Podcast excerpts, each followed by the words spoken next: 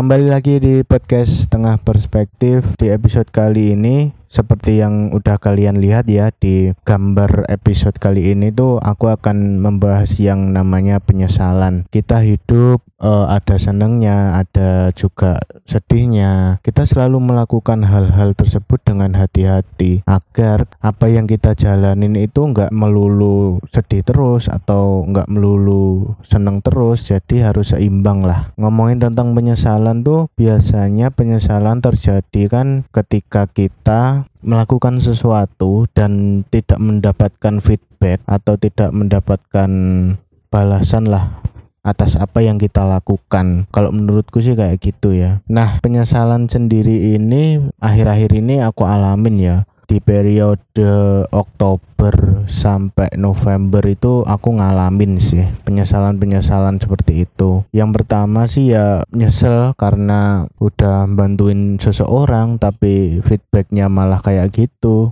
Nah ceritanya aku tuh bantuin seorang temen gitulah ya Sebenarnya kalau dikatain temen sih juga belum karena ya apa ya namanya ya kontekan gitu itu juga baru-baru ini sih. Jadi temen kayak temen baru gitu loh. Namanya uh, eh nama asli apa nama samaran aja ya? Nama asli aja. Nama aslinya itu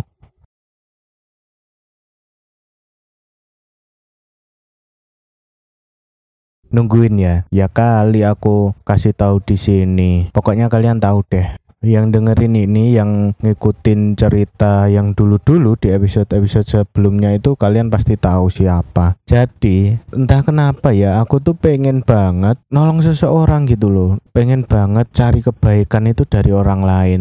Kan kita eh, nggak uh, bisa ya kalau nggak nolong orang itu ya kita dikira baik itu nggak bisa. Oh, orang itu baik baik dalam segi apa? Kan orang kan selalu mandangnya kayak gitu. Misalkan ada orang atau teman kita yang bagi-bagi makanan setiap hari Jumat atau mungkin setiap hari di jalanan kepada tukang becak atau yang jualan yang udah sepuh atau tua gitu kan. Kita bisa lihat kalau orang itu dermawan orang itu baik ya kan? Biasanya kan kayak gitu. Nah aku tuh pengen banget kayak gitu. Mungkin waktunya belum tepat karena juga ya masih berkutat dengan masalah finansial ya. Ya tapi semoga suatu saat bisa lah Nah mau berhubung aku tuh nggak bisa kayak gitu belum bisa ding belum bisa kayak gitu. Jadi aku tuh mau membantu ya membantu orang-orang di sekitar dulu lah yang sekiranya itu butuh bantuan gitu loh butuh dibantu. Nah ceritanya itu udah berapa kali nih aku ngomong ceritanya ceritanya tapi nggak mulai-mulai. Jadi ceritanya orang ini temenku ini bukan temen sih pokoknya orang ini itu baru lulus dari kuliahnya dia kuliah di Surabaya dan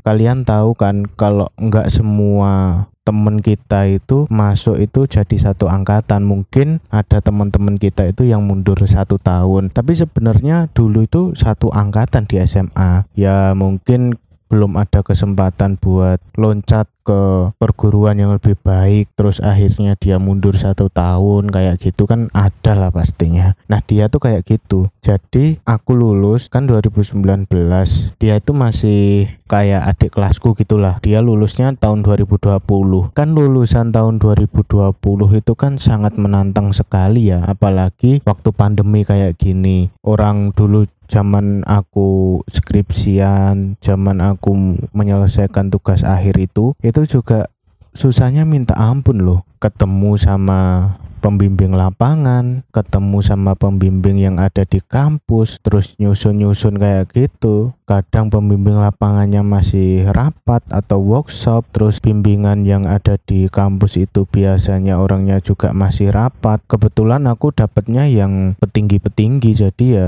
ya agak susah lah tapi nggak menutup kemungkinan dosen-dosen yang biasa-biasa pun juga kadang sibuk-sibuk sendiri waktu jam 12 siang gitu mereka sibuk keluar buat cari makan. Ditunggu sampai jam 1 di kampus. Eh nggak taunya si dosen ini pulang. Terus akhirnya ke esokan hari mundur lagi mundur lagi. Kan kasihan kayak gitu. Jadi aku ya ngerasain lah rasanya waktu skripsian tuh kayak gimana. Itu kan ngerasain. Apalagi di waktu pandemi kayak gini itu ada dosen yang melakukan bimbingan skripsi itu secara daring itu susahnya bukan main sih. Lebih susah daripada kita ketemuan biasa janjian biasa itu lebih susah loh. Karena kalau kita janjian ya di zoom jam 3 sore gitu. Terus kita jam 3 sore itu udah siap segala teknisnya. Mulai kuota udah ada laptop juga udah full baterainya.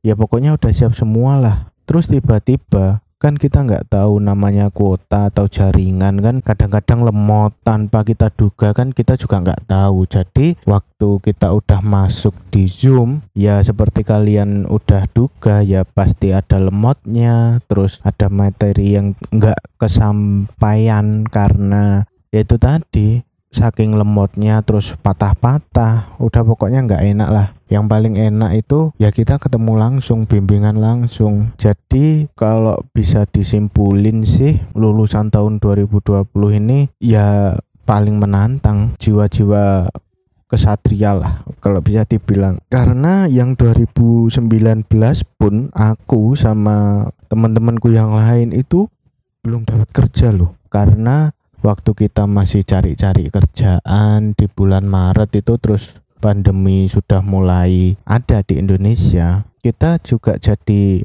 bingung karena lapangan pekerjaan makin hari makin sempit. Nah, apalagi yang lulusan 2020 ini kan, mereka bersaing sama lulusan-lulusan sebelumnya yang nggak ada pandemi aja susah nyari kerjaan, apalagi waktu pandemi itu yang membuat mereka lebih susah sih sebenarnya. Nah, terus aku kan uh, waktu itu kan belum dapat kerjaan ya, belum dapat kerjaan, belum dapat tempat di kantor atau instansi yang teman-teman bayangin semua kan itu belum dapet yang kayak gitu. Nah terus akhirnya aku ketemu sih orang ini orang ini yang baru lulus tahun 2020 dia bisa dibilang apa ya tenaga medis juga sih. Kalian mau tahu universitasnya di Surabaya pokoknya universitas yang ada ABC-nya ada tiga huruf. Tiga huruf itu maksudnya kampusnya ya kampusnya ada tiga A, B sama C. Kalian pasti tahu, apalagi yang kuliah di Surabaya pasti tahu.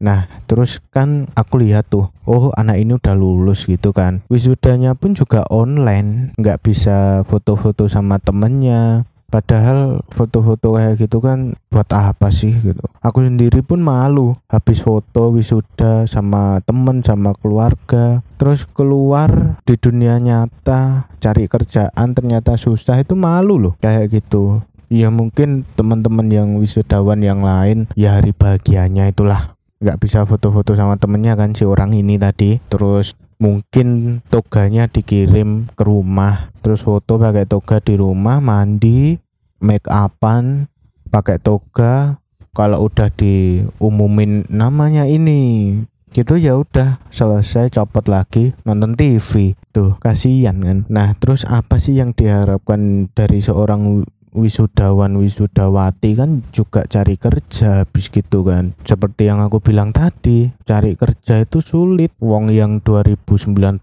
aja belum dapat tempat apalagi yang 2020 ya kan. Dulu aku lihatnya itu di 2019 pekerjaan tuh banyak banget lowongan-lowongan gitu tuh banyak. Kalau aku sendiri ya lowongan itu ya di kesehatan kan masih banyak lowongan-lowongan kesehatan ya macam-macam yang medis non medis itu banyak sih. Terus waktu ada pandemi itu turun perlahan perlahan perlahan gitu. Makanya satu posisi yang ada di instansi itu bisa diisi oleh atau enggak diisi sih dilamar oleh 10.000 atau mungkin lebih ya 15.000 yang kayak gitu. Terus periode apa ya? September kalau nggak salah tuh aku lihat di PT Asabri. Di PT Asabri itu kan butuhin tenaga apa ya? Arsip pengarsipan gitulah. Itu kalian tahu yang daftar itu berapa? Untuk satu posisi dibutuhkan hanya satu orang. Yang daftar 23 ribu. Nah itu kan juga belum termasuk orang-orang yang kena PHK di pabrik kan ya. Udah di PHK terus. Yang lulusan-lulusan 2018 19 itu belum punya kerjaan atau mungkin dia udah resign terlanjur resign terus mengadu nasib lagi sama job seeker job seeker yang lain. Itu kan juga ya menyedihkan lah. Saat-saat seperti ini pandemi kayak gini tuh benar-benar menyedihkan sih kalau menurutku. Nah lanjut lagi nih ceritanya. Terus uh, aku tuh tanya ke dia ya. Tanya gitu ya iseng-iseng lah tanya eh kamu udah lulus ya? Kamu udah mulai ngelamar-ngelamar atau belum? Nah kebetulan kan dia kan tenaga medis jadi harus dibutuhkan STR atau surat tanda registrasi untuk ya itu tadi karena dia tenaga medis. Jadi STR itu wajib lah buat ngelamar-ngelamar gitu kan. Terus kata dia itu belum karena STR-nya belum keluar. Kayak gitu tapi udah udah uji kompetensi. Oh gitu. Aku bilang gitu tuh. Oh gitu. Terus kamu mau ngelamar kerjaan di mana sebelum STR-mu ini terbit gitu kan? Terus dia bilang ya aku mau ngelamar-ngelamar di posisi admin. Padahal dia kan tenaga medis ya. Tapi dia pengen kerja atau ngelamar-ngelamar kerjaan itu di bagian admin di back office lah pokoknya yang berkaitan dengan back office, front office kayak di bank, kayak di customer service kayak gitu-gitu tuh dia bisa. Terus oh oke okay deh, nanti aku cariin ya. Entah aku kerasukan apa waktu itu, tapi tuh aku pengen nolong dia gitu loh karena ya itu tadi situasinya itu serba sulit gitu. Situasinya serba nggak nentu. Terus akhirnya ada satu lowongan itu di uh, apa namanya kantor pos itu loh kantor pos. Aku coba share ke dia terus katanya itu di Lumajang jauh katanya. Oke okay, kalau itu jauh kan tak cariin lagi. Ya masih nggak sadar aku itu pokoknya cari terus cari terus sampai akhirnya aku nemu itu di Madiun sini deket rumahnya dia juga itu kalau nggak salah di kejaksaan. Di kejaksaan ini ada lowongan di kejaksaan. Kebetulan yang dibutuhin tuh wanita doang ya. Terus akhirnya dia uh, bilang ke aku eh ini ada PDF-nya nggak? Soalnya kan kalau uh, lamaran ya di instansi pemerintah kan kejaksaan kan pemerintah kan. Masa sih? Iya kayak gitu kan ada PDF-nya buat surat lamaran di bawah-bawah itu kan ada. Jadi kita tinggal ngeprint, kita tinggal nulis nanti di scan lagi gitu dikirim kayak gitu kan terus aku ya berusaha nyari. Masih belum sadar juga berusaha nyari. Terus ternyata nggak ada cuma screenshot waktu itu. Nah habis itu kelihatannya dia sih ngelamar sih. E, selang dua minggu atau tiga minggu itu aku tanyain lagi gimana kamu jadi daftar di kejaksaan nggak? Terus dia bilang jadi kok jadi ngelamar? Udah lulus tes administrasinya. Berarti kan tinggal tes tulis dan interview dan lain sebagainya itu kan udah masuk lah intinya. Di tahap pertama itu udah lolos. Nah terus aku itu tanya tes tulisnya kapan? Itu periode Oktober ya? Oktober. Sampai November hari ini tanggal 19 ini nggak ada jawaban dari dia. Maksudku gini loh kan kamu kan udah aku bantu sih. Ya mungkin buat kalian yang dengerin ini itu tuh aku bodoh. Memang aku akui aku bodoh. Cuma aku nggak ada niatan lain sih selain membantu. Karena situasinya ya kayak gini teman-temanku yang lain itu juga ngerasain gitu. Memang aku akuin aku tuh bodoh waktu itu. Aku nggak ngarepin apa-apa sih. Kayak ini ada kerjaan nih. Itu ya mbok terima kasih lah. Atau mungkin uh, apa ya namanya ada follow up lanjutan lah kalau eh aku udah tes tulis nih tanggal segini doain ya. Kayak gitu kan lebih baik daripada dimentahin kayak gitu. Oh iya terima kasih ya. Ya mungkin dia itu bilang terima kasih juga. Ya tapi kan harus ada follow upnya kan. Maksudku tuh kalau misalkan kamu dikasih lowongan ya kerjaan gitu kamu nganggur nih posisinya nganggur. Kalau dikasih ini ada lowongan kerjaan kamu daftar. Sampai akhirnya kamu itu bisa masuk di perusahaan itu ya mungkin di tahap interview di tahap uh, psikotes atau administrasi itu kan mungkin usaha kalian sendiri ya. Tapi kan usaha kalian itu nggak ada apa-apanya kalau nggak ada yang bukain pintu gitu loh. Aku ngasih lowongan kayak gitu kan berarti kan aku bukain pintu. Ini lo pintu masuknya di sini. Udah nanti kamu di dalam tuh ya terserah kamu mau ngapain nah orang kalau dibukain pintu kayak di bank di di bank ya kebanyakan ya. Ya di bank dibukain pintu kan sama satpam. Kita ngucapin apa? Terima kasih karena udah dibukain. Kita nggak usah susah-susah buat ngebuka pintu itu sendiri. Terima kasih pak udah dibukain gitu kan. Satpamnya seneng ngasih senyuman juga ikhlas kitanya juga ikhlas buat terima kasih gitu loh. Hal-hal semacam itu loh yang gak aku dapetin waktu aku ngasih lowongan pekerjaan ke orang ini yang bikin aku sumpah men wah ini nyesel sih kayak gitu karena ya itu tadi makasihnya itu ya makasih kayak dimanfaatin tau nggak jadi ya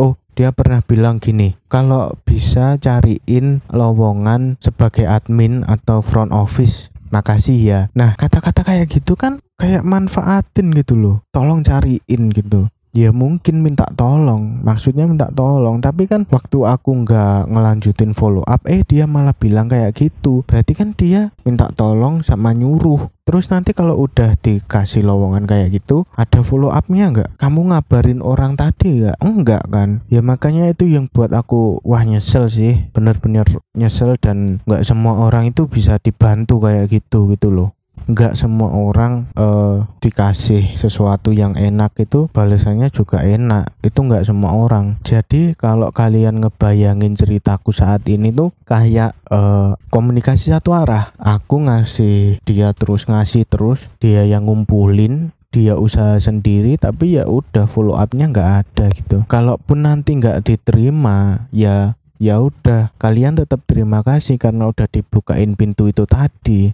Kalau kalian nggak diterima ya jangan nyalahin yang bukain pintu dong. Kan usaha-usaha kalian sendiri gitu. Kalian bilang kalau tes tulisnya uh, tanggal segini terus waktu dua minggu setelah tes tulis pengumuman aku nggak diterima nih. Terus kamu kalau ada lowongan lagi aku cariin ya. Kayak gitu kan enak daripada nggak ngabarin tiba-tiba cariin lowongan dong lau sokap gitu loh. Ya kan ngomongin penyesalan tuh emang selalu ada di akhir ya. Nggak ada penyesalan di depan tuh pendaftaran itu yang di depan. Nah terus akhirnya aku ngelempar ya biasa asmi question gitu. Seperti guru podcastku ngelempar asmi question di instastories ya kemarin. Dan yang respon juga cukup banyak. Dan responnya itu cukup berisi daripada episode-episode sebelumnya gitu kan nah yang pertama ini respon aku kan ngasih pertanyaan hal apa yang sudah kalian lakukan dan berakhir dengan penyesalan? Ya kayak aku tadi ya. Yang pertama ini ada dari Ed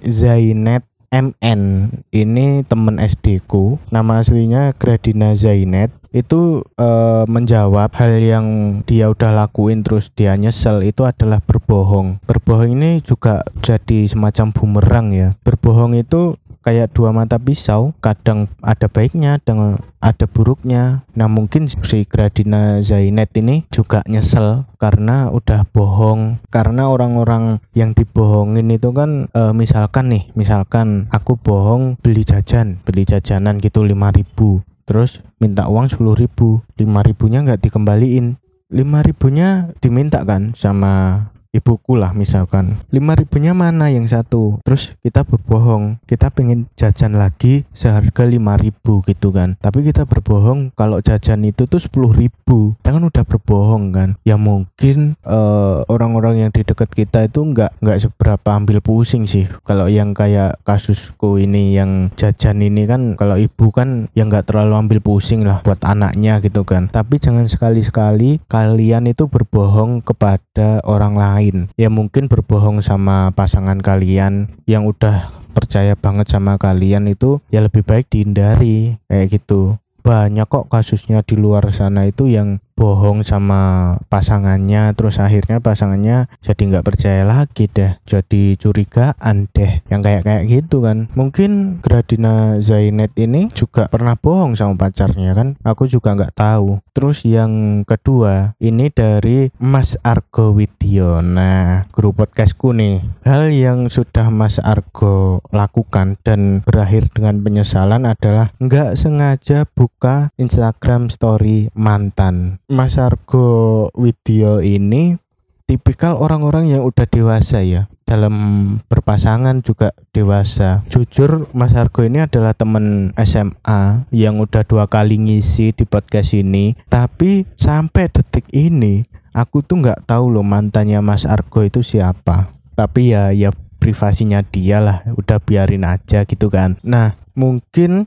di luaran sana itu banyak ya. Kalau kita putus terus pacar kita itu jadi mantan itu kan main blokir-blokiran. Nah Mas Argo ini dewasa. Dia tetap menyimpan atau ya masih follow-followan lah sama mantannya kayak gitu kan. Ya udah temenan biasa aja lah. Kan gitu. Untung ya mantanku tuh masih anak kecil. Jadi main blokir-blokiran kayak gitu. Jadi aku kalau buka Insta Stories itu ya nggak ada lagi mantanku wong udah diblokir. Nah si Mas Argo ini mungkin ya waktu dia eh, nggak uh, sibuk.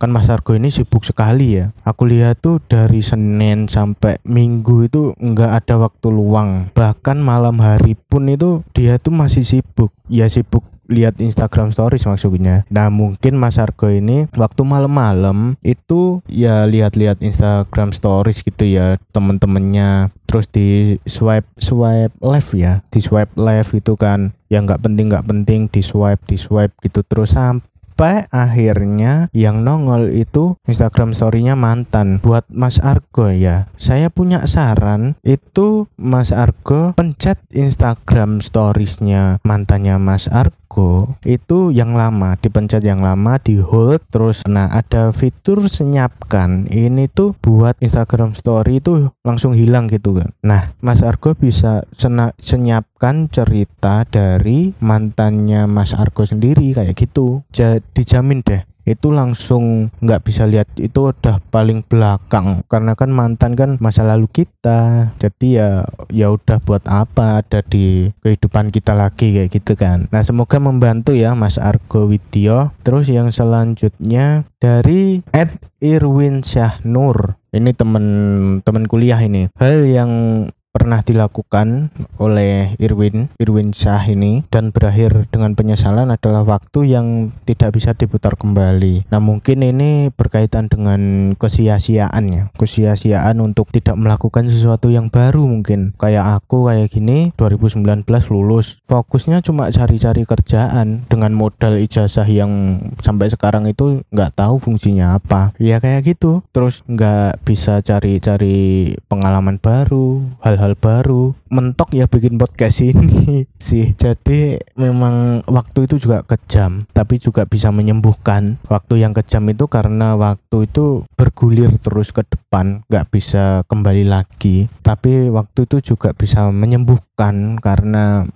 luka-luka batin kita ya mungkin ditinggal sama pasangan kita. Itu juga membutuhkan waktu untuk move on kayak gitu Nah, jadi selagi kita bisa, selagi kita muda, itu ya produktif lah. Seperti kata Mas Argo di episode 15 itu juga gitu. Produktif lah, cari kegiatan baru lah, belajar di luar lah. Mungkin sharing-sharing hobi itu juga bisa jadi pelajaran baru loh. Hobi apa pun ya, yang penting bisa memanfaatkan situasi, bisa menambah insight kayak gitu kan. Jadi ya harus dimanfaatkan lah sebaik mungkin. Terus yang selanjutnya yang ke berapa ini? Keempat itu dari Ed Inayati Rahman. Inayati Rahman ini juga temen kuliah dan temen itu dia nanggepin kalau hal yang pernah dia lakukan. Kayaknya nggak pernah dia lakukan deh. Dan berakhir penyesalan itu adalah kentut. Ya Allah ini agak kocak ya. Karena ya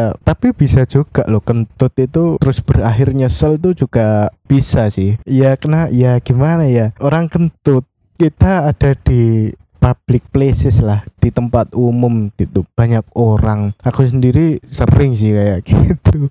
Sering kentut gitu kan. Baca-baca buku di Gramet gitu. Tiba-tiba aduh kok mulas terus akhirnya kentut gitu kan. Dan bau gitu loh. Dan kentutnya itu bau. Mungkin uh, Inayati Rahman ini pernah lihat uh, pernah ngerasain dikentutin sama orang. Jadi orang itu itu kentut terus bau gitu kan.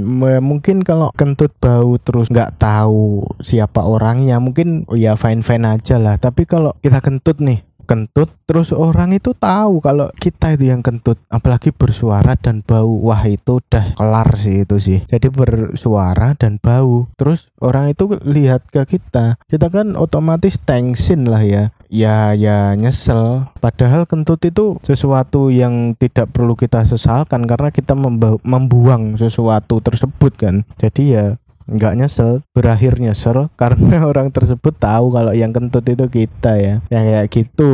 Jadi ya kocak sih.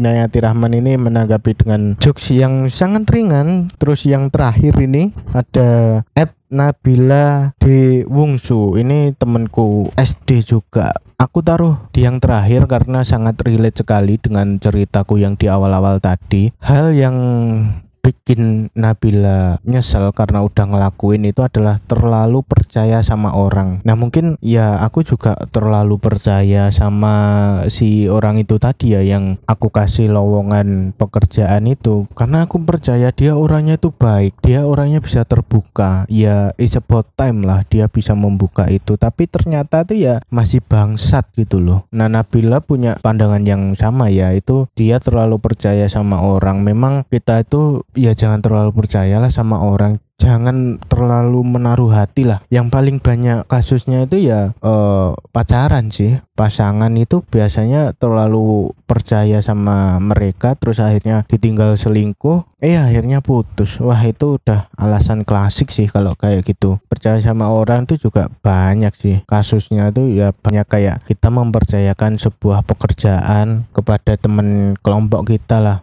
akhirnya waktu hari H presentasi eh nggak dikerjain atau dikerjain asal-asalan. Ya mungkin kita tidak ya apa yang bisa dihargai gitu loh dari pekerjaannya orang itu karena ya salah-salan buatnya gitu loh. Jadi buat temen-temen semuanya yang dengerin episode kali ini ya jangan sampai terulang lah kejadian-kejadian kayak gini tuh jangan sampai terulang karena ya capek sih.